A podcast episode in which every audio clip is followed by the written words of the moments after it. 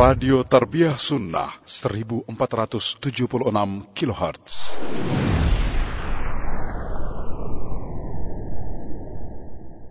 بسم الله الرحمن الرحيم السلام عليكم ورحمة الله وبركاته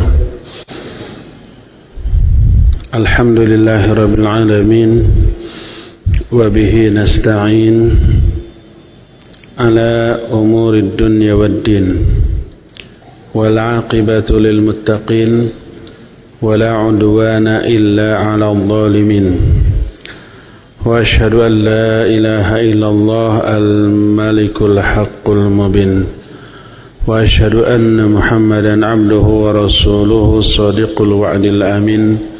والصلاة والسلام على أشرف الأنبياء والمرسلين وعلى آله وأصحابه أجمعين.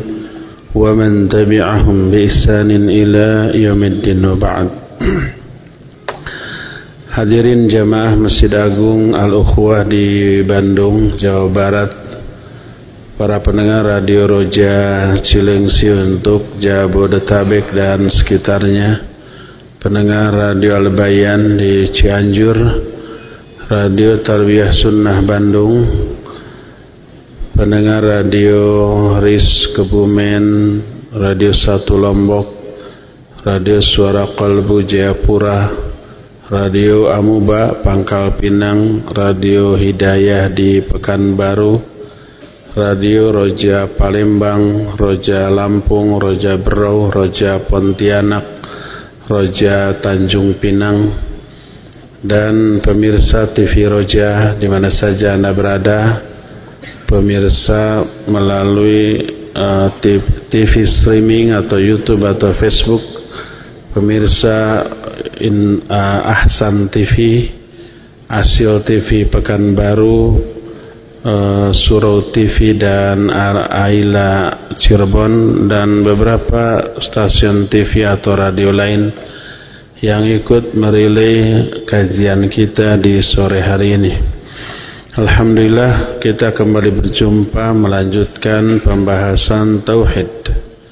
Kita sudah membahas dua jenis Tauhid. Pertama Ar-Rububiyah. Kedua Al-Uluhiyah.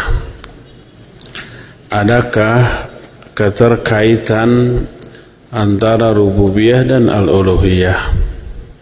Tentu saja ada dan tidak bisa dipisahkan Dari Tauhid Ar-Rububiyah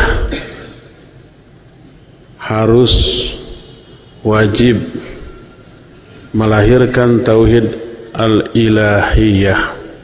Walaupun tidak seluruh manusia yang memiliki tauhid ar-rububiyah lalu memiliki juga tauhid al-uluhiyah. Tidak semuanya begitu tapi mestinya begitu sikap yang logis yang rasional yang masuk akal setiap kali seseorang memiliki tauhid ar-rububiyah mestinya dia memiliki tauhid al-uluhiyah.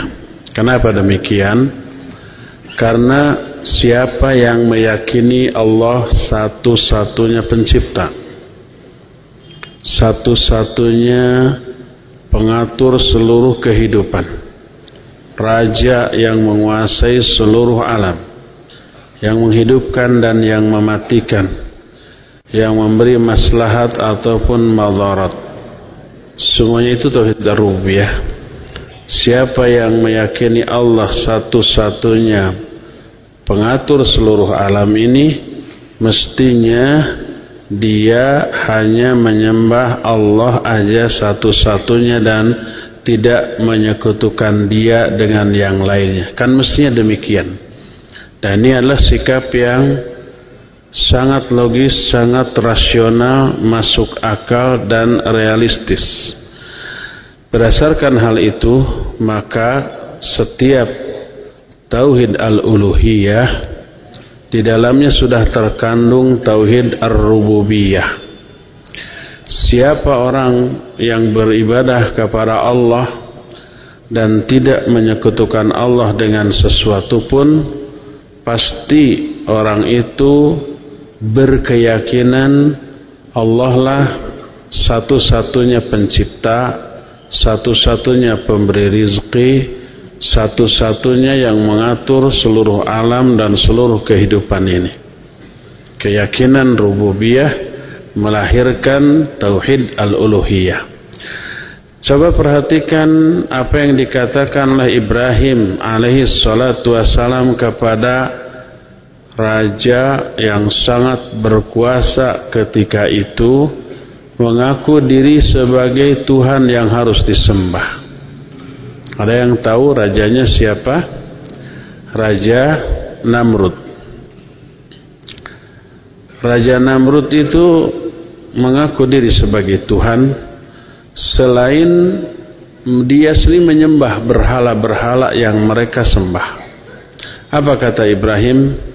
Afara'aitum ma kuntum ta'budun antum wa aba'ukumul aqdamun فإنهم عدو لي إلا رب العالمين. الذي خلقني وهو يهدين والذي هو يطعمني ويسقين وإذا مرضت فهو يشفين والذي يميتني ثم يحين والذي أطمع أن يغفر لي خطيئتي يوم الدين. Kata Nabi Ibrahim, coba kalian perhatikan apa yang kalian sembah. Yang disembah oleh kalian dan disembah oleh nenek moyang kalian terdahulu. Patung-patung. Mereka itu musuhku, kata Nabi Ibrahim. Kecuali Allah Rabbul Alamin. Dialah yang telah menciptakan aku lalu memberiku hidayah. Ini keyakinan rububiyah. Dialah yang menciptakan aku. Dia pula yang memberi makan kepadaku dan memberi minum kepadaku. Ini juga rububiyah. Dan kalau aku sakit, dialah yang menyembuhkan aku. Ini juga tauhid rububiyah. Dia pula yang mematikan aku kemudian akan menghidupkan aku kembali di kehidupan yang lainnya. Ini juga rububiyah dan dialah yang amat sangat aku harapkan akan mengampuni dosa dan kesalahanku pada hari kiamat. Jadi kenapa Nabi Ibrahim hanya menyembah Allah Rabbul Alamin karena kata Nabi Ibrahim dialah yang menciptakan aku, memberi makan, memberi minum. Kalau aku sakit, dia yang menyembuhkan, yang mematikan, yang menghidupkan. Itu semuanya keyakinan yang termasuk dalam tauhid ar-rububiyah Nah, itu menjadi alasan Nabi Ibrahim untuk hanya menyembah Allah Azza wa Jalla semata-mata. Jadi tauhid al-uluhiyah lahir dari adanya tauhid ar-rububiyah. Kita sudah terangkan tauhid ar-rububiyah maknanya meyakini Allah satu-satunya Rabb satu-satunya pencipta, satu-satunya raja, satu-satunya pemberi rizki, satu-satunya pengatur seluruh kehidupan yang menghidupkan dan yang mematikan itu rububiyah. Allah ditauhidkan dalam hal itu dari keyakinan ar-rububiyah lahir keyakinan al-uluhiyah. Kalau Allah satu-satunya pencipta, satu-satunya pemberi rizki, satu-satunya pengatur alam jagat raya. Kalau demikian Allah pula lah satu-satunya yang harus di diibadati, disembah. Menyembah hanya kepada Allah ini tauhid al-uluhiyah. Meyakini Allah satu-satunya pencipta pengatur ini tauhid ar-rububiyah. Jadi keterkaitannya amat sangat jelas ya.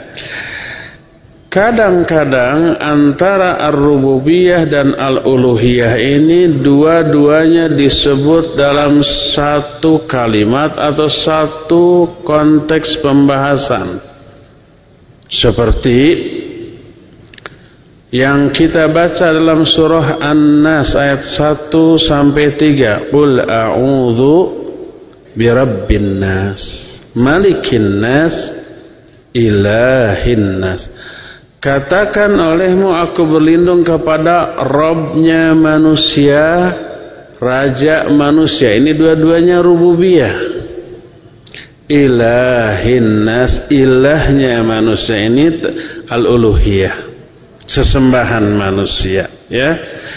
Nah kalau Al-uluhiyah berjumpa dengan Ar-rububiyah Dalam satu pembahasan Satu kalimat maknanya berbeda. Al-uluhiyah adalah sesembahan hanya kepada Allah. Ar-rububiyah artinya keyakinan Allah sebagai Rabb. Ya. Kadang-kadang tidak berjumpa dalam satu pembahasan hanya disebut Rabb saja atau hanya disebut ilah saja kalau hanya disebut salah satu saja, maka makna Rabb dengan makna ilah ini menjadi sinonim. Apa arti sinonim teh?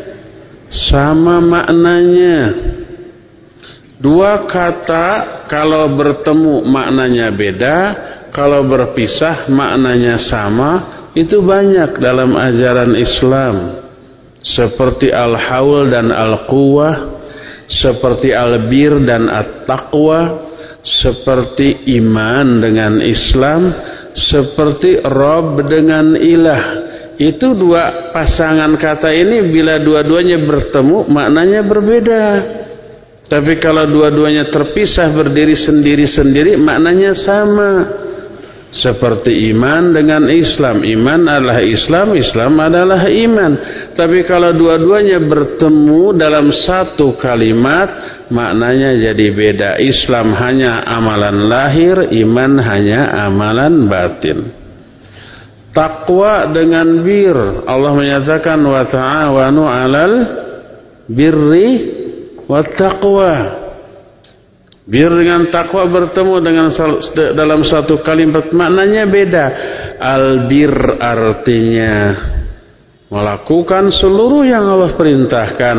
Takwa maknanya menjauhi semua yang Allah larang.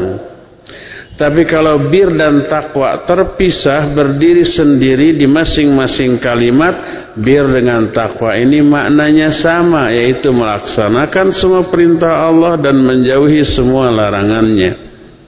Al-haul dan al-quwah la haula wa la quwwata illa billah. Tidak ada haul, tidak ada quwah. Kecuali semuanya itu dari Allah. Bertemu al-haul dan al-quwah. Kalau bertemu menyatu dalam satu kalimat maknanya beda.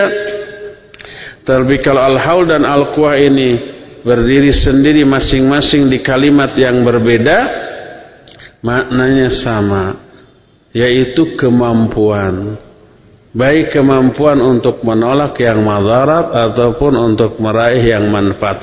Tapi begitu berjumpa seperti la haula wala quwata illa billah, haul di sana maknanya kemampuan untuk meraih apa yang maslahat dan al-quwah adalah kemampuan untuk menolak hal yang madarat. Termasuk Rabb dan Ilah. Kalau dua-duanya bertemu dalam satu kalimat maknanya beda. Rob adalah pencipta, pengatur dan seterusnya. Ilah maknanya sesembahan yang disembah. Seperti Qul a'udhu birabbin nas, malikin nas, ilahin nas. Ya. Itu maknanya berbeda. Ilah sesembahan, Rob artinya pencipta dan pengatur. Tapi kalau kadang-kadang ada ayat yang hanya menyebut kata-kata Rob saja. Tidak disandingkan, dipertemukan dengan kata ilah. Maka makna Rob di sana maknanya mencakup dua-duanya. Ya pencipta, ya sesembahan. Seperti contoh pertanyaan dua malaikat di alam kubur. Malaikat siapa? Munkar dan Nakir bertanya kepada si mayit di alam kubur. Apa pertanyaan pertamanya? Man Man rabbuka? Siapa Rabbmu? Makna Rabb di sini mencakup dua-duanya. Ya pencipta, ya sesembahan. Siapa yang kamu sembah ketika kamu di dunia? Tidak dikatakan man rabbuka wa ilahuka enggak, tapi cukup man rabbuka. Termasuk dalam Al-Quran Allah berfirman dalam surah Al-Hajj ayat 40 Alladzina ukhriju min diyarihim bighairi haqq illa ayyaqulu rabbuna Allah Berinfaklah kalian kepada orang-orang yang terusir dari negeri-negeri mereka tanpa alasan yang benar kecuali hanya karena mereka berkata Rabb kami adalah Allah. Hanya mengumandangkan kalimat tauhid Rabb kami Allah mereka diusir. Rabb di sini mencakup juga ilah bukan hanya sekedar pencipta kalau orang mengatakan pencipta alam jagatera ini hanya Allah orang musyrik pun meyakininya jadi kalau hanya demikian mereka tidak akan diusir. Mereka itu diusir karena makna Rob di sana adalah sesembahan. Rob kami Allah, sesembahan kami Allah, hanya Allah, tidak ada yang lain. Itulah yang menyebabkan mereka terusir. Sebelum mengumandangkan kebenaran, mereka tidak diusik. Tapi ketika mengumandangkan kebenaran, barulah bukan hanya diusik, bukan hanya dipersekusi tapi juga diusir dari negeri mereka.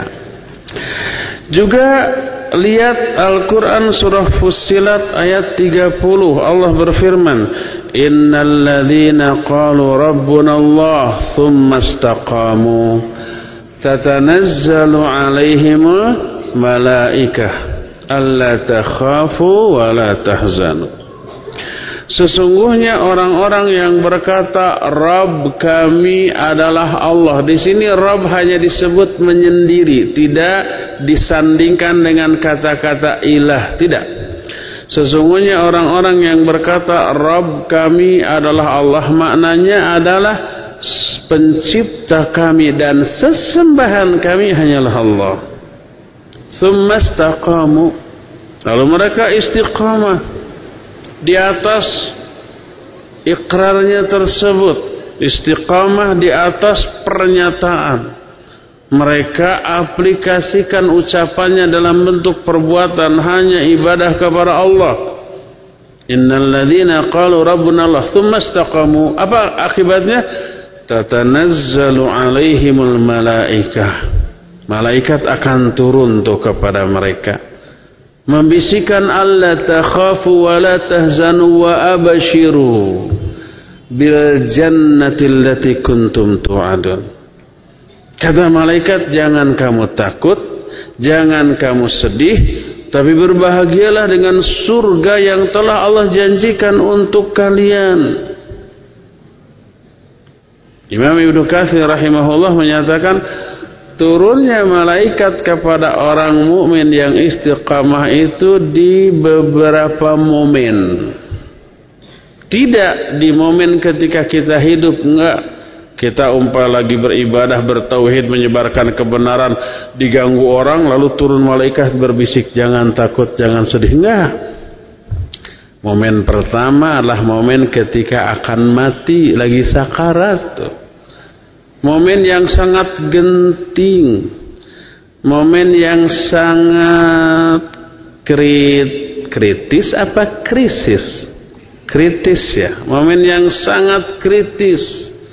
Momen yang membuat semua orang memiliki rasa yang bercampur di dalam jiwanya. Takut ada terus bingung ada terus khawatir ada sedih ada, sakit ada, ah, segala macam bercampur. Ketidakpastian, kebimbangan terasa saat itu. Bagaimana nasib saya setelah mati? Gimana ya di alam kubur yang terbayang alam kubur itu ya sempit, ya gelap, ya segala macam. Nanti kebayang ada malaikat munkar nakir yang akan bertanya, membuat orang bimbang. Turunlah malaikat mendatangi orang itu membisikkan, "Allah takhafu wa la tahzanu." Jangan kamu takut terhadap masa depanmu. Jangan kamu sedih terhadap apa yang akan kamu tinggalkan di alam dunia.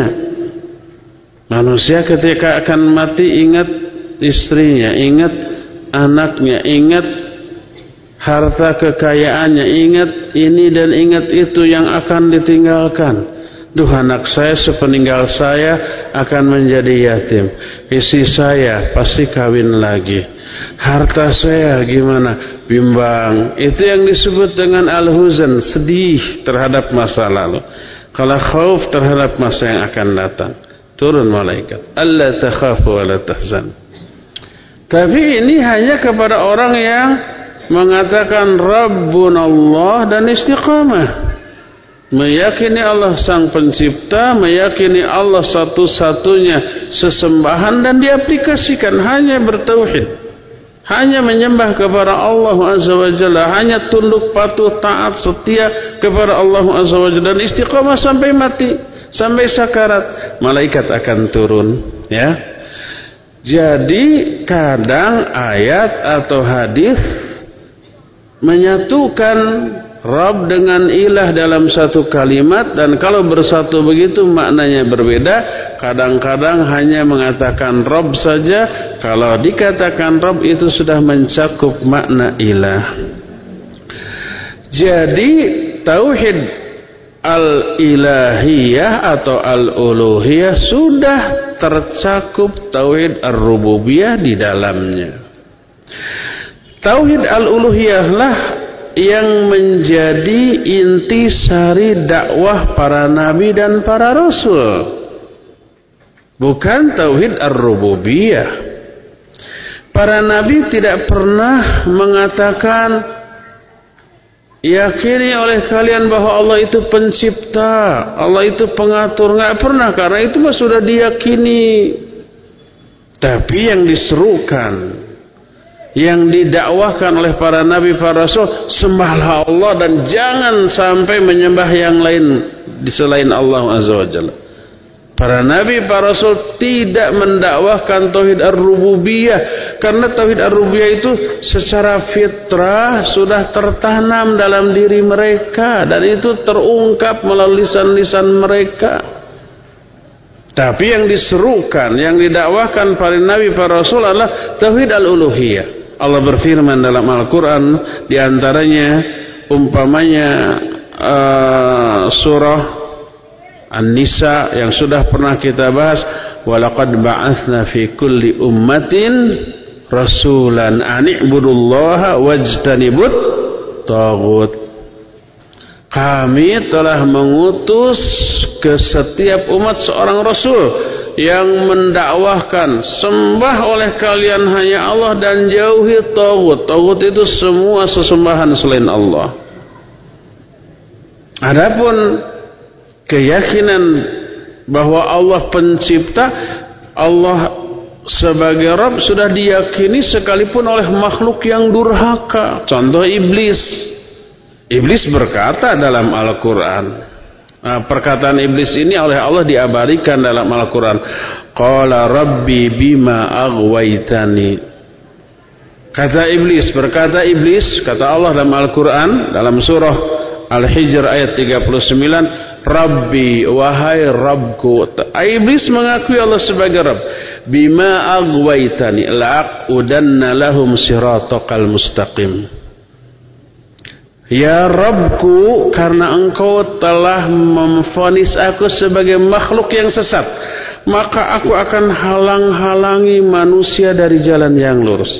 La'aqudanna lahum aku akan duduk di jalan lu yang lurus yang akan ditelusuri oleh manusia. Setiap kali manusia itu akan menelusuri jalan yang lurus, setan iblis duduk di sana menghalangi. Jangan sampai manusia itu tetap menelusuri jalan lurus itu, biar belok ke kiri, belok ke kanan atau mundur ke belakang. Maknanya diganggu agar tidak menempuh jalan yang lurus. Dan iblis untuk menyatakan tekadnya itu sumpah. Oleh karena itulah maka iblis pun mengakui kerububihan Allah Azza wa Jalla. Termasuk orang musyrik. Orang-orang musyrik di Mekah yang Nabi SAW diutus ke tengah mereka bukan karena mereka tidak meyakini kerububihan Allah, bukan. Mereka meyakini kerububian Allah. Mereka meyakini Allah satu-satunya pencipta, pemberi rizki, pengatur alam, pemilik arsy yang agung. Mereka yakin. Sebagaimana firman Allah dalam Al-Quran surah Az-Zukhruf ayat 87 Allah menyatakan, "Wala in sa'altahum man khalaqahum la yaqulunna Allah." Kalau engkau bertanya kepada orang-orang musyrik, siapa yang menciptakan mereka? Niscaya mereka akan menjawab, Allah Bahkan di dalam ayat yang lainnya pun Allah itu lebih merinci gitu ya. Umpamanya di dalam Al-Qur'an surah Al-Ankabut atau dalam surah Al-Mu'minun ayat 85 sampai 89 Allah berfirman, "Qul limanil ardu wa man fiha in kuntum ta'lamun." Katakan oleh Muhammad, tanya tuh orang-orang musyrik Milik siapa bumi beserta isinya? Kalau kalian tahu saya kuluna lillah. Pasti mereka akan menjawab milik Allah. Ini rububiyah. Terus kul afala tadhakkarun Katakan lagi, tidakkah kalian mengambil pelajaran kalau bumi beserta isinya ini milik Allah, kenapa mereka menyembah kepada selain Allah?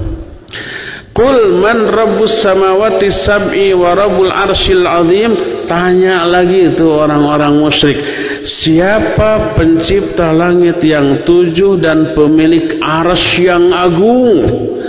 Saya kuluna lillah Mereka akan menjawab Ini semua milik Allah Langit yang tujuh milik Allah Arsy yang agung milik Allah Orang-orang musyrik tidak pernah melihat ars tapi mereka meyakini adanya ars dan itu milik Allah. Qul afala tattaqun? Katakan oleh Muhammad tidakkah kamu bertakwa kalau begitu? Qul man biyadihi malakutu kulli syai'in wa huwa yujiru wa la yujaru alaihi in kuntum ta'lamun. Tanya lagi mereka tuh, siapa sih yang di tangannya tergenggam kekuasaan segala sesuatu? Dialah yang memberikan keamanan dan tidak membutuhkan pengamanan dari siapa pun. Kalau kalian tahu saya quluna lillah. Mereka menjawab semua itu milik Allah jadi orang-orang musyrik pun memiliki tauhid ar-rububiyah jadi dengan memiliki tauhid ar-rububiyah mereka tidak menjadi muslim, tidak. Maka tidak perlu lagi para nabi, para rasul mengenalkan kepada mereka bahwa Allah pencipta, Allah penguasa, Allah raja semesta alam enggak perlu karena mereka pun sudah me meyakininya. Jadi yang diserukan oleh para nabi dan para rasul itu apa? Penyembahan hanya kepada Allah dan inilah yang disebut dengan tauhid al-uluhiyah. Kenapa ini amat sangat ditekankan? Karena ada pihak tertentu kaum muslimin masih itu punya pengaruh yang banyak yang memiliki persepsi yang super keliru tentang masalah ini. Siapa mereka? Para ulama menyebut dengan ahlul kalam. Para mutakallimin.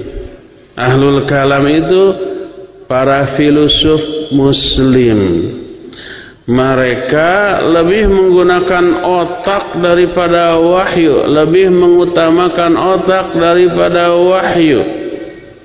Kalau ada wahyu bertolak belakang dengan otak atau akal, kalau wahyu itu ayat Al-Quran ditakwil kepada makna lain. Kalau uh, wahyu tersebut berupa hadis walaupun sahih ditolak, didhaifkan karena bertolak belakang dengan akal mereka. Mereka disebut juga aqlaniyun. Zaman bahula mula disebut kaum mutakallimin atau ahlul kalam. Mereka menyatakan bahwa anna tauhid al-matluba min al-ibad bi anna Allah huwa al-khaliqul mudabbir wa man aqarra bidzalik sara indahu muslima mereka bilang tauhid yang dituntut yang diwajibkan kepada setiap hamba adalah meyakini bahwa Allah pencipta, Allah pengatur seluruh alam. Siapa yang sudah demikian maka mereka muslim. Itu kata mutakallimin. Berdasarkan hal itu kalau begitu orang-orang musyrik di zaman Nabi juga muslim. Fir'aun juga kalau begitu Muslim. Apa Fir'aun mengakui adanya Allah apa tidak? Mengimani dakwah Nabi Musa dalam hatinya atau tidak? Mengimani dalam hatinya tapi lisannya enggak, sikapnya enggak. Lisannya menyatakan ana rabbukumul a'la, tapi hatinya meyakini kebenaran dakwah Nabi Musa. Dari mana kita tahu hati Fir'aun? Allah yang memberitahukan. Allah berfirman tentang Fir'aun dan bala tentaranya. Wajahadu biha wastaiqanatha anfusuhum zulman wa uluwa. Kata Allah, Fir'aun dan pengikutnya ingkar kepada dakwah Nabi Musa. Wastaiqanatha anfusuhum. Padahal hati-hati mereka meyakini kebenarannya. Kalau hatinya meyakini kenapa ingkar atau zulman wa uluwa karena kezaliman dan kesombongan. Gengsi atau kalau harus mengakui kebenaran pihak yang dianggap lebih rendah dari dirinya. Nabi Musa dan Bani Israel itu seperti Indonesia ketika dijajah Belanda. Jajahan Bani Israel dijajah oleh bangsa Fir'aun, bangsa Qutbi, bangsa Fir'aun. Nabi Musa dari Bani Israel harus mengakui kebenaran yang dibawa oleh Nabi Musa. Gengsi apa tidak? Gengsi. Malu apa gengsi? Malu dan gengsi. Merasa diri tinggi, merasa diri lebih dari mereka arogan. Maka Allah menyatakan zulman wa ulwa. Mereka mengingkari secara lisan, hatinya meyakini karena kezaliman dan karena kesombongan, ketakaburan. Jadi mereka Firaun mengakui dalam hati mereka. Apalagi orang-orang musyrik tidak hanya mengakui Allah di dalam dirinya, tapi juga diikrarkan secara lisan dan juga diwujudkan dalam bentuk perbuatan. Mereka juga menyembah Allah. Orang musyrik menyembah Allah apa tidak? Menyembah Allah. Kenapa kalau menyembah Allah dianggap musyrik? Karena selain menyembah Allah juga menyembah selain Allah. Ya Imran bin Husain pernah ditanya oleh Rasul SAW sebelum dia masuk Islam, kam ilahan ta'bud? Berapa sesembahan yang kamu sembah? Dia menjawab sab'ah. Begini ya, sab'ah. Wahid fis sama wasittah fil ard. Ada tujuh yang saya sembah. Satu yang ada di langit. Siapa? Allah enam yang ada di bumi. Makin banyak sembahan tuh makin bangga. Terus kata Nabi SAW, ilah mana, sesembahan mana yang paling kamu takuti kemurkaannya dan yang paling kamu harapkan pertolongannya. Sesembahan yang mana? Dia menjawab, Alladhi fis sama, yang ada di langit. Kalau begitu u'budhu wahdah watruk masiwah. Kalau begitu sembah saja dia, tinggalkan yang lainnya. Barulah setelah itu dia masuk Islam menjadi muwahid, hanya menyembah Allah dan meninggalkan sembahan yang lainnya. Jangan difahami bahwa orang musyrik itu tidak menyembah Allah. Enggak, mereka menyembah. Dikatakan musyrik karena apa? Karena juga menyembah kepada selain Allah Azza wa Jalla. Maka banyak orang menyatakan masa orang yang sebenarnya disebut musyrik padahal dia suka sholat, suka saum Ramadan, haji sudah sekian kali masa disebut musyrik. Iya disebut musyrik itu bukan karena ibadah kepada Allah, tapi juga ibadah kepada selain Allah. Orang musyrik dalam hatinya meyakini terikrar secara lisan kalau ditanya siapa yang menciptakan langit dan bumi, mereka jawab Allah. Siapa yang menciptakan mereka? Mereka jawab Allah. Siapakah yang memiliki bumi beserta isinya? Mereka jawab Allah. Siapa yang memiliki langit yang tujuh beserta aras? Mereka jawab Allah. Siapa yang di tangannya kekuasaan langit dan bumi? Mereka jawab Allah. Lisannya mengatakan, hatinya meyakini dan perbuatannya juga mereka menyembah Allah dengan cara mereka. Kenapa mereka disebut musyrik? Karena mereka hanya memiliki tauhid ar-rububiyah tapi tidak memiliki tauhid al-uluhiyah. Mereka betul menyembah Allah tapi tidak hanya kepada Allah. Mereka pun menyembah kepada selain Allah Subhanahu wa taala. Ya. Nah, ahlul kalam menyatakan tauhid yang dituntut dari manusia Allah meyakini Allah lah pencipta dan pengatur. Siapa yang meyakini demikian maka dia muslim. Itu kata mereka. Karena itulah dalam kitab-kitab yang mereka karang, terutama dalam masalah akidah, maka penjelasan tauhid yang mereka beberkan hanya tauhid ar-rububiyah saja. Mereka berkata, At-tauhid huwal iqraru biwujudillah wa annahu al-khaliqur raziq. Tauhid itu adalah mengakui keberadaan Allah dan dia pencipta, dia pemberi rizki, dia pengatur. Lalu dikutiplah ayat-ayatnya Allah pencipta, Allah pengatur, Allah pemberi rezeki betul apa benar? Betul dan benar. Tapi kalau hanya sampai di sana pun weh sampai di sana nggak ada kelanjutannya itu yang keliru, itu yang salah. Dan pernyataan ahlul kalam ini sudah dibantah sejak zaman bahula oleh para ulama. Di antaranya berkata Syekhul Islam dalam Majmul Fatawanya ketika membantah para mutakallimin. Kata beliau fa inna amatal mutakallimin alladzina yuqirruna at-tauhid fi kutubil kalam wan nadhar ghayatuhum ay yaj'alu at-tauhid thalathata anwa' فيقولون هو واحد في ذاته لا قسيم له وواحد في صفاته لا شبيه لا شبيه له وواحد في أفعاله لا شريك له kata Syekhul Islam umumnya mutakallimin mutakallimin itu ahli kalam aqlaniyun kaum filosof yang muslim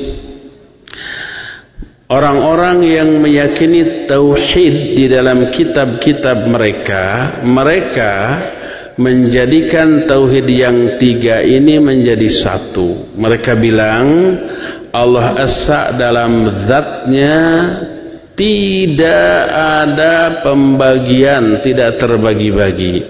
Allah Asa dalam sifatnya tidak ada yang menyerupai dan Allah Asa dalam perbuatannya tidak ada sekutu baginya. Nah, mereka menekankan pada poin yang ketiga Allah Asa dalam hal perbuatan. Maksudnya asa dalam hal perbuatan tuh Allah Esa dalam hal menciptakan.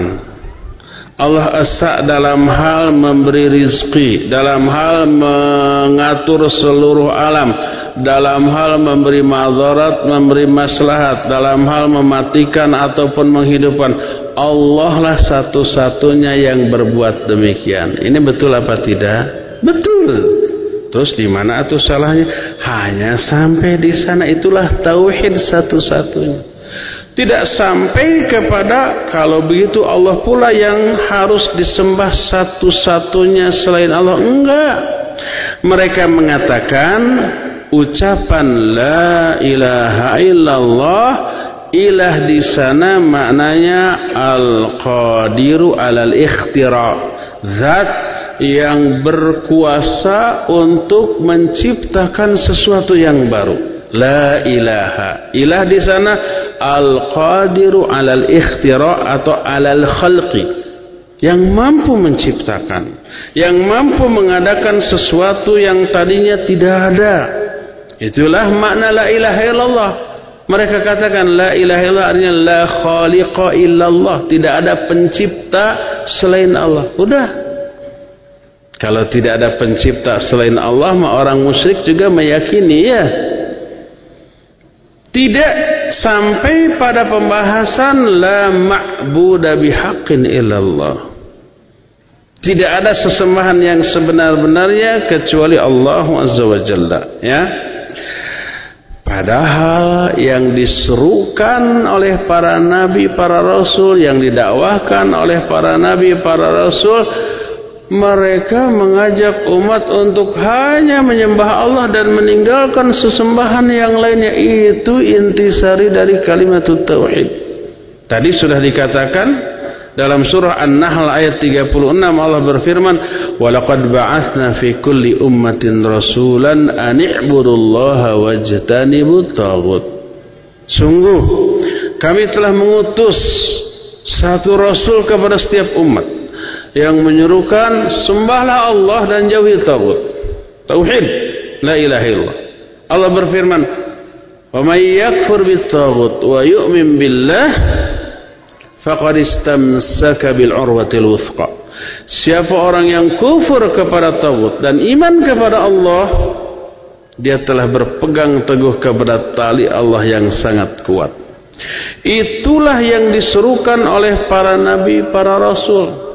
Para nabi, para rasul tidak mengajak manusia untuk meyakini Allah sebagai Rabb. Karena itu sudah diyakini oleh mereka sebelum mereka didakwahi. Yang diajak dan didakwahkan hanyalah tauhid al-uluhiyah. Berkata Syekhul Islam selanjutnya التوحيد الذي جاء به الرسول لم يتضمن شيئا من هذا النفي وإنما تضمن إثبات الإلهية لله وحده بأن, بأن يشهد أن لا إله إلا هو ولا يعبد إلا إياه Tauhid yang dibawa oleh para rasul yang didakwakan oleh para rasul tidak mencakup sebutkan tidak mencakup at-tauhid ar-rububiyah. Hanyalah menetapkan keilahian bagi Allah semata-mata dengan mengatakan asyhadu alla ilaha illallah.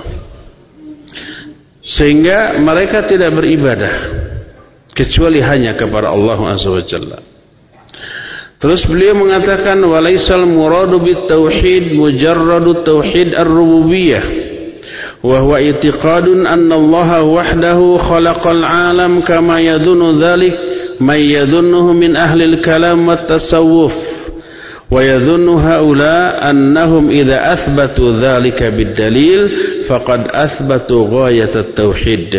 وأنهم إذا شهدوا هذا وفنوا فيه فقد فنوا في غاية التوحيد. Kata Syekhul Islam, bukanlah yang dimaksud tauhid itu hanya tauhid ar-rububiyah semata-mata. Yaitu meyakini bahwa Allah lah satu-satunya pencipta alam seperti yang diyakini oleh ahlul kalam dan ahlul tasawuf Mereka menyangka bahwa siapa yang sudah meyakini tauhid ar-rububiyah dengan dalil berarti mereka telah menetapkan intisari dari tauhid. Bukan seperti itu kata Syekhul Islam, tapi yang lebih penting adalah Penyembahannya hanya kepada Allah Azza wa Jalla setelah meyakini Allah satu-satunya Rabb. Karena makna ilah dalam kalimat la ilaha illallah. Makna ilah adalah ma'luh. Masdar dengan makna isi maf'ul. Isi maf'ul itu objek. Masdar ilah dengan makna ma'luh. Apa ma'luh? Ma'bud. Ma'bud itu zat yang berhak disembah. Makna ilah bukan al-qadiru alal khalqi. Bukan yang mampu menciptakan sama sekali bukan. Tapi makna ilah ma'luh dan ma'luh maknanya ma'bud. Sehingga makna ma'bud adalah sesembahan. La ilaha illallah. Maknanya la ma'budu bihaqqin illallah.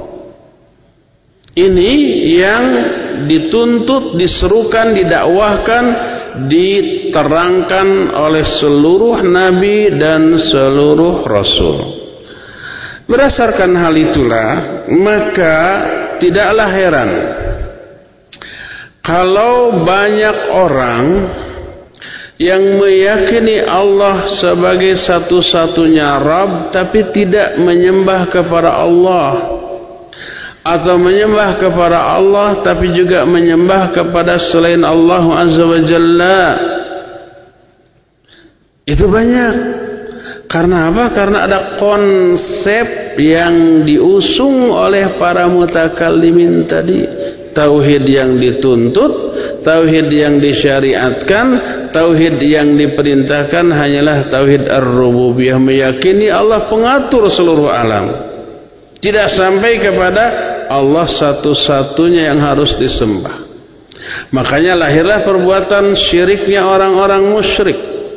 Mereka meyakini Allah satu-satunya pencipta dan pengatur tapi mereka dalam hal beribadah kepada Allah membuat wasilah atau perantara.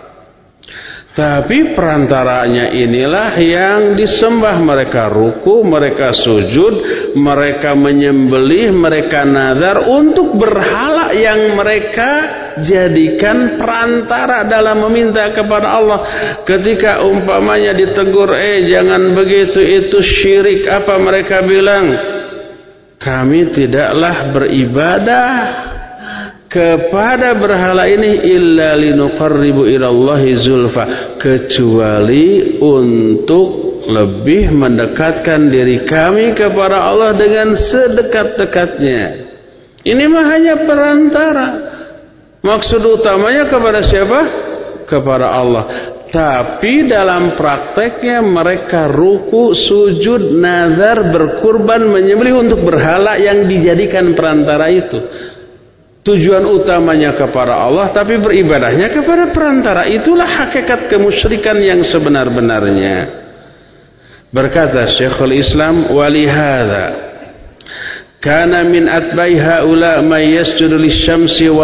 wal kawakib wa yad'uha kama yad'u Allah ta'ala wa yasumu laha wa yansiku laha wa yataqarrabu ilaiha thumma yaqul inna hadha laysa bisyirk bisyirkin innama syirku idza taqadtu annaha al mudabbirah li fa idza ja'altuha sababan wa wasitah lam akun musyrikan oleh karena itu Pengikut ahlul kalam banyak yang sujud ke matahari, ke bulan, ke bintang, ke kuburan, ke ruh orang-orang yang sudah mati. Mereka berdoa kepada yang disembahnya itu seperti berdoa kepada Allah. Saum seperti saum untuk Allah. Menyembelih seperti menyembelih untuk Allah. Bertakarub seperti bertakarub kepada Allah. Lalu mereka berkata ini bukan syirik Syirik itu kalau meyakini bahwa patung ini, bahwa bulan bintang ini, bahwa kuburan ini yang mengatur kehidupan ini, ini baru syirik. Saya mah hanya menjadikan ini perantara yang mendekatkan diri saya kepada Allah lebih dekat lagi. Maka saya tidaklah musyrik. Kan begitu jadinya, ya. Padahal itulah hakikat syirik yang sebenarnya seperti yang dilakukan oleh orang-orang musyrik di zaman Nabi alaihi salatu wasalam.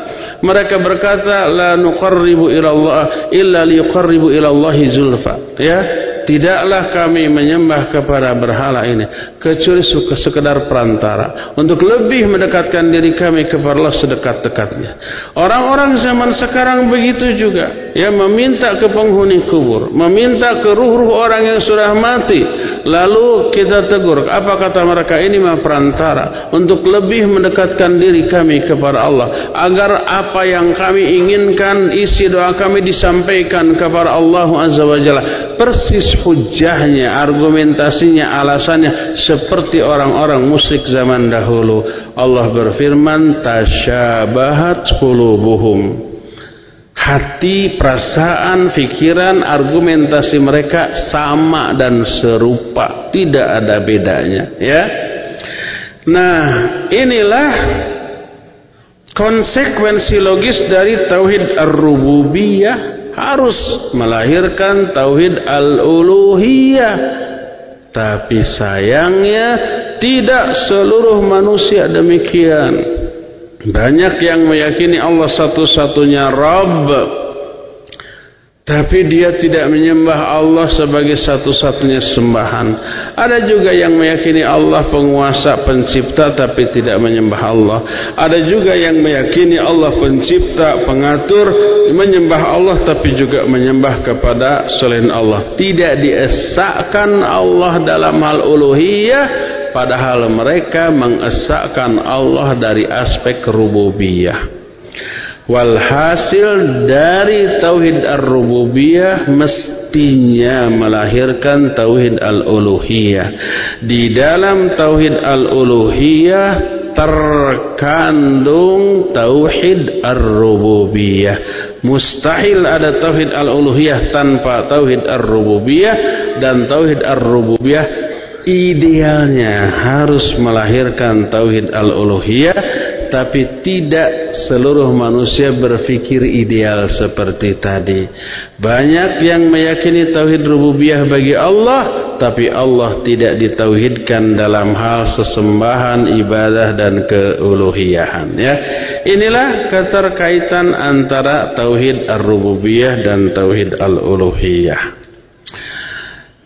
Jumat depan kita akan bahas bagaimana metode Al-Quran dalam mendakwahkan Tauhid Al-Uluhiyah. Ternyata Quran untuk menanamkan Tauhid Al-Uluhiyah kepada jiwa manusia itu dengan berbagai macam cara, bentuk dan variasi yang sangat banyak dalam ayat bertebaran dikukuhkan lagi dengan hadis yang banyak. Nanti kita akan bahas itu di hari Jumat yang akan datang.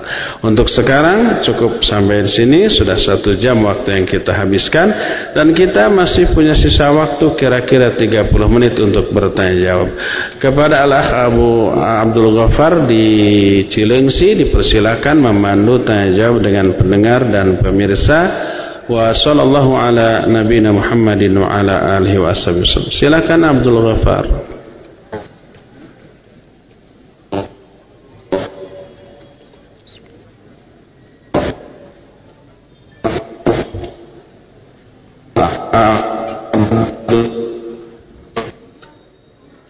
Fardi di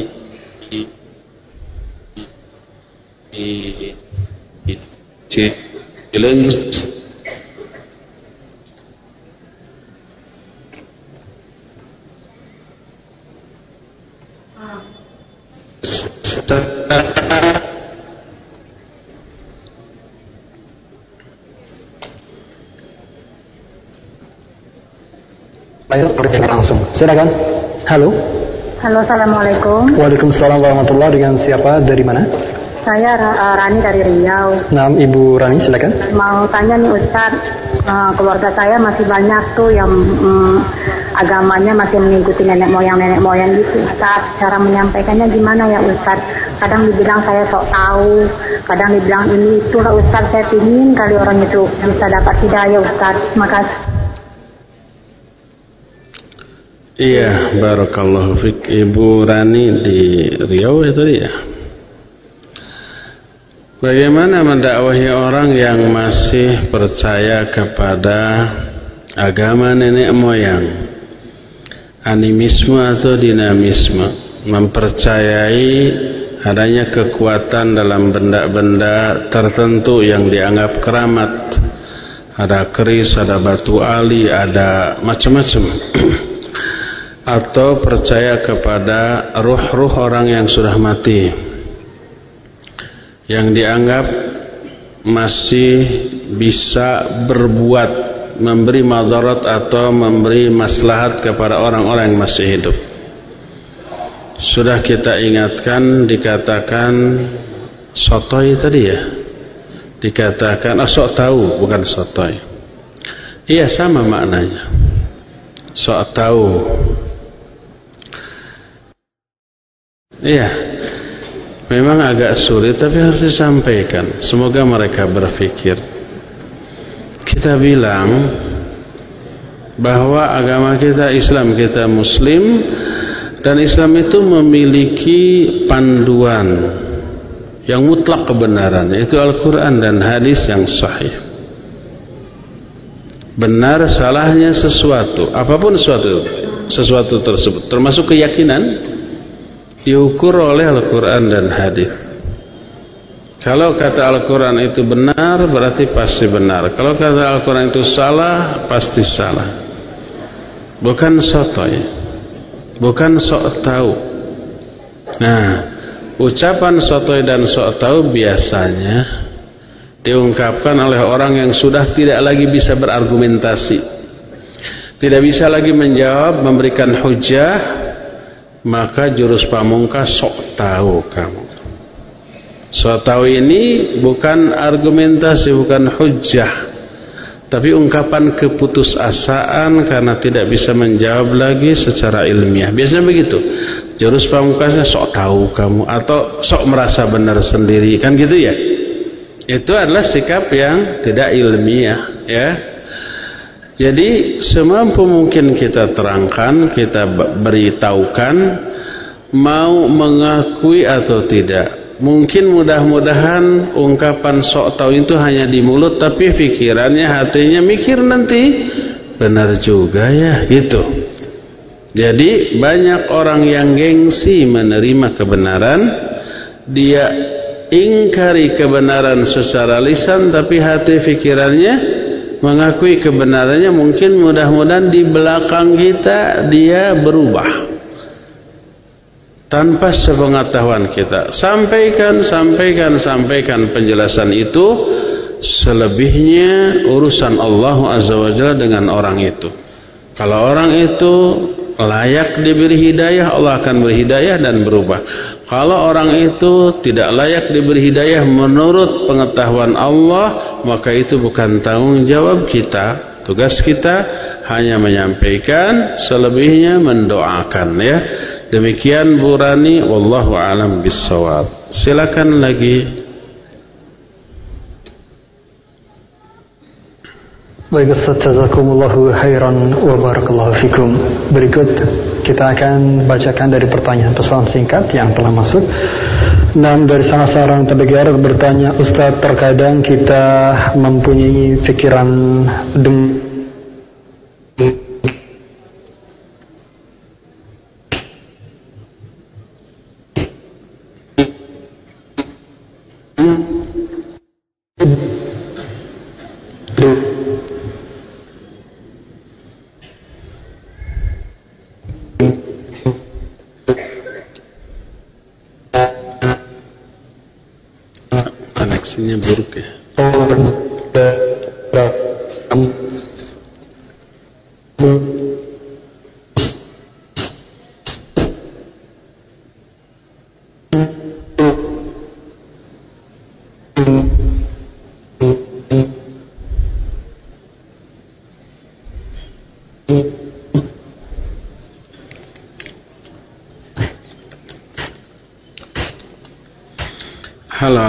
Ghaffar Koneksi mungkin buruk Suara dari sana tidak masuk ke sini.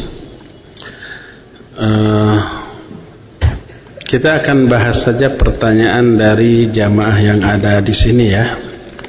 Sampai koneksi dari sana bagus lagi dan terdengar jelas. Sekarang tidak jelas dan terputus-putus ya. Pertanyaan pertama dari jamaah Assalamualaikum Ustaz. Waalaikumsalam warahmatullahi Tersebar syubhat dari kaum Asyairah dan Maturidiyah. Bahwa kata mereka Kita ahlu sunnah memiliki keyakinan Jika Allah menyerupai pemuda yang gondrong dan berjanggut merah jika Allah menyerupai pemuda yang gondrong dan berjanggut merah. Dengan dalih bahwa Ibnu Taimiyah berkata demikian bagaimana bantahan atas syubhat di atas? Fa inna lillahi wa inna ilaihi rajiun. Tanya kepada mereka di mana? Di kitab apa? Ibnu Taimiyah berkata demikian. Tanya yang ada kitab-kitab Ibn Taimiyah itu anti terhadap keyakinan uh, mutasyabih itu anti. Tapi di, di, di fitnahnya demikian. Salah satunya ada kisah yang bersumber dari seorang pengembara atau pengelala, pengelana namanya siapa? Ibnu Ibnu Batutah Katanya Ibnu Batuta lagi berjalan di hari Jumat lewat masjid. Di masjid itu ada yang sedang sholat Jumat. Khatibnya menyatakan yanzilu rabbuna kama anzil kama anzil min mihrabi hadha min mimbari hadha thumma yanzil Si Khatib menyatakan Allah turun dari langit ke bumi seperti turunnya aku dari mimbarku ini. Lalu Khatib itu turun. Ternyata itu Ibnu Taimiyah. Kata Ibnu Batutah. Ini disebar. Dari sinilah kemudian disebar akidah mutasyabbih dari Ibnu Taimiyah atau Mujassimah bahwa Ibnu Taimiyah menyamakan turunnya Allah dari langit ke dunia ini seperti turunnya dia dari mimbar ke bawah. Disebar begitu. Ya kalau memang benar kisah ini dan Ibnu Taimiyah berkata demikian, iyalah sesat. Tapi ini fitnah semata-mata. Ya. Dari mana ini fitnah? Pertama, Ibnu Taimiyah memiliki syarah hadis nuzul kitab tentang penjelasan hadis turunnya Allah. Beliau dengan tegas menyatakan turunnya Allah dari langit dari aras ke langit dunia tidak sama dengan turunnya makhluk mana pun. Allah menyatakan laisa kamitslihi syai'un dan tidak boleh diserupakan. Jelas dalam kitab-kitabnya gamblang. Bagaimana mungkin beliau bisa mengatakan demikian? Itu pertama. Kedua, di dalam sejarah Ibnu Batutah datang ke negeri tempat tinggal Ibnu Taimiyah ketika Ibnu Taimiyah sudah ada di penjara oleh tentara Mongol saat itu di penjara dan sampai meninggalnya tidak pernah keluar lagi. Beliau pun meninggalnya dalam keadaan sujud di penjara tersebut. Bagaimana mungkin Ibnu Battuta bisa bertemu dengan Ibn Taimiyah? Ketiga, masuk akal nggak? Ibnu Battuta lagi lewat, ada yang Jumatan di masjid nongol, oh kelihatan pergi aja lagi. Apa dia nggak Jumatan? Jadi Fitnah yang disebar itu aneh-aneh nggak masuk akal dan ketika secara historis ditelusuri dari segi waktu nggak nyambung sama sekali nggak nyambung. Itu fitnahan belaka. Termasuk yang ini katanya ahlu sunnah menyatakan Allah menyerupai pemuda gondrong dan berjanggot merah dan itu dikatakan oleh Ibnu Taimiyah. Ini iftira ini taqawul alaihi Iftira itu mengada-ada. Takawul itu mengada-adakan perkataan atas nama beliau. Coba kita tanya, di kitab apa Ibnu Taimiyah berkata demikian? Kita yakin mustahil ada di kitab mana pun karena kitab-kitab beliau yang menjelaskan tentang, tentang sifat Allah gamblang dan jelas bahwa sifat Allah itu esa. Nanti kita membahas dalam tauhid asma wa sifat. Allah itu harus diesakan dalam hal sifat. Maknanya sifat Allah tidak ada yang serupa dengan sifat makhluk mana pun. Baik makhluk itu malaikat, manusia, jin, hewan, apalagi yang lain-lain. Enggak. Allah laisa kamitslihi syai'un. Syai'un ya. Laisa kamitslihi syai'un. Allah itu tidak ada yang menyerupai. Lam yalid wa yulad wa lam kufuan ahad tidak ada yang sekufu bagi Allah azza wa jalla ya. Jadi ini kedustaan yang sebesar-besarnya. Mengatasnamakan ulama ahlus sunnah. Coba tanya di mana kamu mendapatkan perkataan Ibnu Taimiyah demikian? Di kitab Ibnu Taimiyah yang mana ya? Kita tunjuk mereka harus tunjukkan itu. Kalau enggak maka mereka berdusta atas nama ulama tentang sifat Allah azza wa jalla ya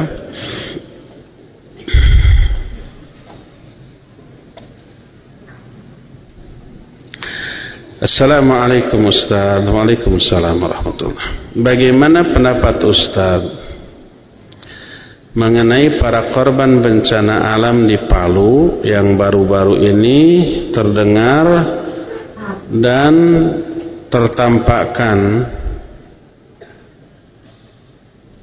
Bahwa mereka itu meminta tolong dengan cara memberi sesajen dan seterusnya Apakah saya salah kalau merasa jengkel dan ingin memaki peristiwa tersebut? Mohon penjelasan. Pertama,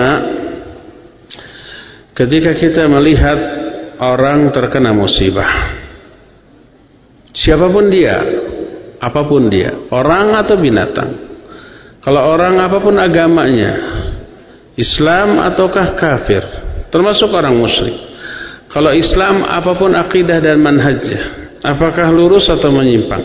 Jangan dilihat dulu hal-hal seperti itu, tapi bantu, tolong lepaskan dia dari kesulitan. Jangan diungkit penyebab tertimpanya orang itu oleh musibah. Jangan. Termasuk binatang ada seekor anjing kegencet pohon yang tumbang umpamanya dilihat gauk gauk ah, gimana bunyinya? Guik guik.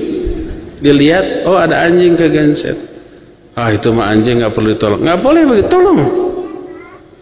Apalagi orang jangan dilihat agama kamu apa? Bukan Islam nggak mau ah mati aja. Nggak boleh seperti itu ya. Tolong dulu jangan diungkit dulu kesalahan. Coba bayangkan ada orang jalan sambil pegang HP. Jalan. Di depannya ada lubang yang tidak tertutup, lalu masuk ke sana. Dia salah apa benar? Salah. Kita tahu begitu. Atau mungkin kita nggak tahu, pokoknya dia masuk ke lubang. Dia minta tolong, kita tolong. Kenapa kamu masuk lubang? Tadi saya main HP-HP. Ah, salah sendiri naik aja sendiri. Apa begitu? Enggak. Jangan ditanya penyebabnya. Mungkin dia terjerumus ke sana itu karena kesalahan dia. Jangan ditanya penyebabnya. Tolong dulu. Ambil tali, ambil tangga, ambil apa saja yang bisa menyelamatkan dia. Setelah ditarik ke atas, keluar, jangan ditanya penyebabnya. Apalagi dicela, enggak Lihat kalau dia luka uh, sembuhkan atau obati. Kalau dia harus ke dokter bawa ke dokter. Jiwanya masih shock ditenangkan dulu, dikasih air hangat dan seterusnya. Ah, setelah dia normal lagi, setelah dia fresh lagi, setelah dia biasa lagi, boleh ditanya, itu tadi gimana sambil nyemplung ke sumur? Dia bilang, saya tadi jalan sambil chatting, nggak tahu di, di depan ada sumur bakal saya nyebur baru kita bilang eh, nanti lain kali hati-hati dia akan bilang iya saya juga kapok kan gitu ya kalau momennya tepat jangan sampai pas lagi di lubang sumur ngapain kamu tadi sampai nyemplung? Saya main HP. Ah, salah sendiri. Rasain sekarang. Bukan itu yang dia butuhkan, ya. Apalagi ini musibah besar, ada gempa, ada tsunami. Siapa pun yang ada di sana, tolong dulu jangan pandang agamanya. Jangan lihat akidahnya, manhajnya. Bahkan binatang yang tertimpa reruntuhan masih hidup, tolong. Jangan dulu ditelusuri apa sih penyebabnya. Nanti pada waktunya ada. Kalau umpamanya sekarang dia dinasihati, makanya itu karena kamu sering memasang sesajen, maka kamu terlibat LGBT, kamu terlibat kemas, makanya diadab begini. Dalam keadaan masih tertindih, reruntuhan. Apa perasaan dia? Mangkal. Bukan nasihat yang saya butuhkan, tapi pertolongan. Tolong dulu, tolong dulu jangan lihat agamanya. Walaupun ada orang umpamanya di gereja terkena reruntuhan ada salibnya, kita jangan sampai ah itu mah gereja biarkan. Jangan, tolong. Selamatkan dulu mereka dan itu mungkin menjadi jalan hidayah bagi mereka. Kita tidak pandang bulu dalam menolong, menolong orang yang menjadi korban. Bantu dulu mereka tanpa melihat manusia ataukah binatang. Tanpa melihat apa agamanya. Tanpa melihat bagaimana akidah manhajnya. Tanpa melihat apakah mereka pelaku utama kemaksiatan yang menyebabkan mereka diadab atau tidak. Enggak. Tolong dulu semuanya. Lalu tenangkan setelah kondisi nanti memungkinkan pulih seperti sedia kala baru kita memberikan nasihat ya. Itu dulu. Jadi jangan sampai di medsos-medsos kita menggembar-gemborkan sesuatu yang yang semakin memperparah kondisi psikis mereka yang terkena musibah itu nanti ada waktunya ya. Yang mereka lebih butuhkan sekarang adalah pertolongan real nyata, baik itu makanan, pakaian, obat-obatan dan yang sejenisnya. Wallahu a'lam bishawab. Pertanyaan berikutnya. Ustaz anak ingin bertanya bagi orang yang khususnya yang hijrah baru mengenal Islam ketika Allah menghendaki untuk kembali ke jalan Allah lebih utama atau lebih baik mana antara menghafal Quran dengan mempelajari ilmu syar'i seperti belajar untuk memperdalam ilmu akidah, tauhid dan sebagainya. Itu semua nggak perlu dibunturkan. Kita bisa lakukan bersamaan. Ada waktunya membaca Quran dan menghafalkannya. Ada waktunya ngaji tauhid, ada waktunya ngaji fikih, ada waktunya melakukan amal soleh amal soleh lainnya. Nggak perlu dibenturkan. Sehingga seolah-olah kalau menghafal Quran berarti nggak belajar tauhid. Kalau ikut ngaji berarti nggak menghafalkan Al-Quran. Nggak harus begitu. Kita bisa lakukan semuanya hanya bagaimana cara kita mengatur waktunya. Kembali kepada diri kita, kita harus mengalokasikan waktu, kesempatan, pikiran, tenaga, bahkan biaya untuk melakukan semua itu. Ada waktu untuk membaca Quran, ada waktu untuk menghafalkan Al-Quran, ada waktu untuk ngaji tauhid, ada waktu untuk tanpa harus dibenturkan satu sama lain ya. Wallahu alam. Terakhir ya karena waktunya juga tersisa sedikit lagi.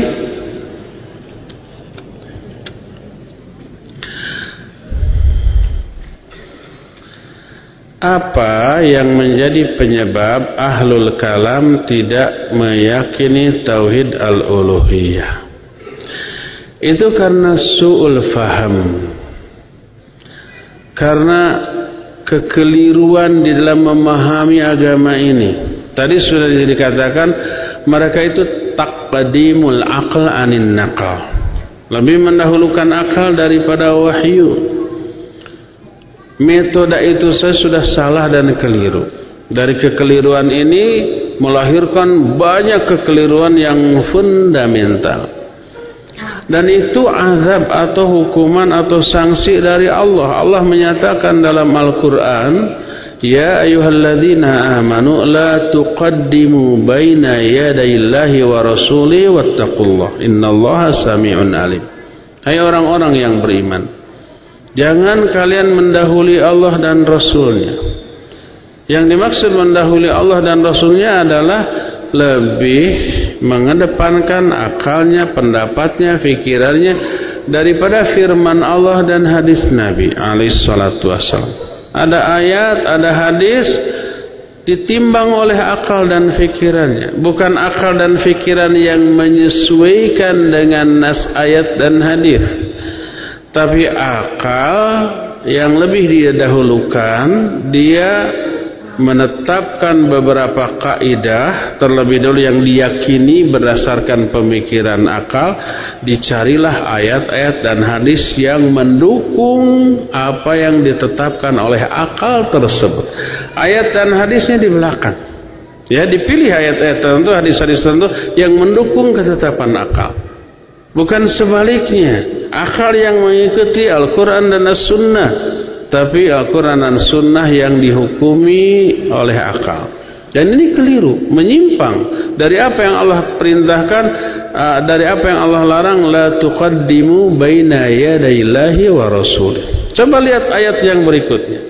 Ya ayyuhalladzina amanu la tarfa'u aswatakum fawqa sautin nabi wa la tajharu lahu bil qawli ka ba'dikum li ba'din an tahbatu amalukum wa antum la tash'urun. Hai orang-orang yang beriman, jangan kalian tinggikan suara kalian melebihi suara Nabi dan jangan kalian mengeraskan suara di hadapan Nabi seperti kalian mengeraskan suara dibanding sesama kalian. Apa akibatnya? Antah batal amalukum. Nanti batal semua amal-amal kamu antum la tasyurun tanpa kamu sadari. Tanpa kita sadari, pahala kebaikan kita gugur terhapus hanya karena lebih meninggikan suara kita dibanding suara Nabi sallallahu alaihi wasallam. Kita kan tidak sejaman lagi kan dengan Nabi. Gak mungkin suara kita lebih tinggi daripada suara Nabi. Beliau sudah wafat.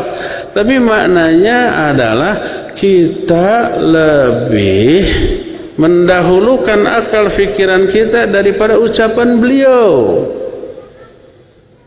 Ucapan beliau hadis yang berupa wahyu bersumber dari Allah itu di nomor dua kan, pikiran kita nomor satu. Padahal perkataan Nabi pasti benar apa tidak? Pasti benar. Allah menyatakan, "Wa may yantiqu 'anil hawa in huwa illa wahyuha." Beliau tidak pernah berbicara berdasarkan hawa nafsu. Yang beliau ucapkan tiada lain kecuali wahyu yang Allah wahyukan kepadanya. Pasti benarnya, dijamin oleh Allah, dipelihara. Di sanalah kemaksuman beliau. Nah, perkataan Nabi yang pasti benar itu di nomor dua kan Lalu kita nomor satu, umpah ada hadis Nabi yang tidak masuk akal. Ah ini mah perlu dipertam, perlu dikritisi lagi nih hadis. Perlu ditinjau ulang, nggak masuk akal. Ada yang begitu? Banyak yang seperti itu. Hadis ini nampaknya nggak serak ya dengan hati. Ada yang begitu? Ada. Hadis ini kayaknya dalam kondisi berpolitik sekarang tidak pas. Ada yang begitu? Ada. Seperti kata Nabi Wasallam ketika beliau ditanya apa yang harus kami lakukan ketika kami dipimpin oleh pemimpin yang zolim gitu ya. Kata Nabi isbiru hatta talaqaun fil haud. Kalian sabar sampai kalian bertemu aku di haud.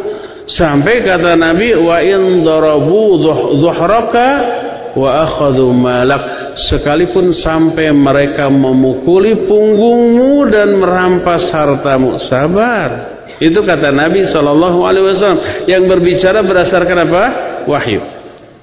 Kemarin kita sudah jelaskan dari bulughul maram bab al mubadarah uh, fil khairat ya hadis tentang seorang beberapa tabi'in curhat kepada seorang sahabat kepada Anas bin Malik radhiyallahu an tentang kejahatan penguasa namanya Hajjaj bin Yusuf. Hajjaj bin Yusuf mudah membunuh orang, zalim. Apa kata mereka?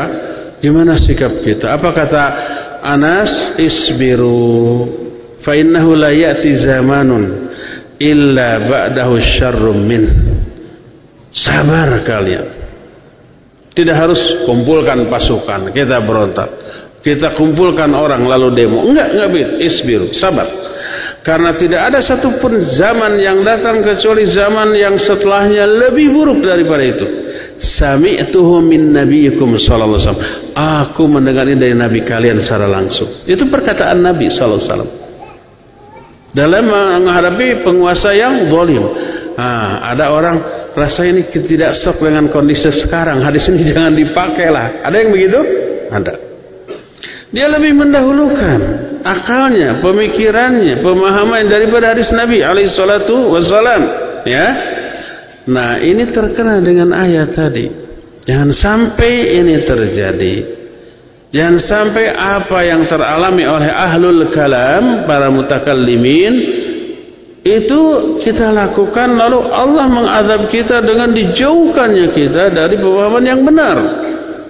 Jadi penyebab utama ahlul kalam dalam hal penyimpangan mereka adalah karena kekeliruan dalam hal metode cara memahami Al-Quran dan As-Sunnah mendahulukan akal daripada wahyu akibatnya mereka terjerumus dalam banyak penyimpangan. Semoga Allah Azza wa Jalla memelihara kita dari penyimpangan-penyimpangan yang seperti itu ya.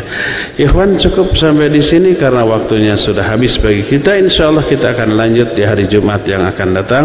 Subhanakallahum bihamdik asyhadu an la ilaha illa anta astaghfiruka wa atubu ilaik walhamdulillahi rabbil alamin wa sallallahu ala nabiyyina Muhammadin wa ala alihi wa ashabihi. Assalamualaikum warahmatullahi wabarakatuh. Tarbiyah Sunnah Channel. Lillah, merenah.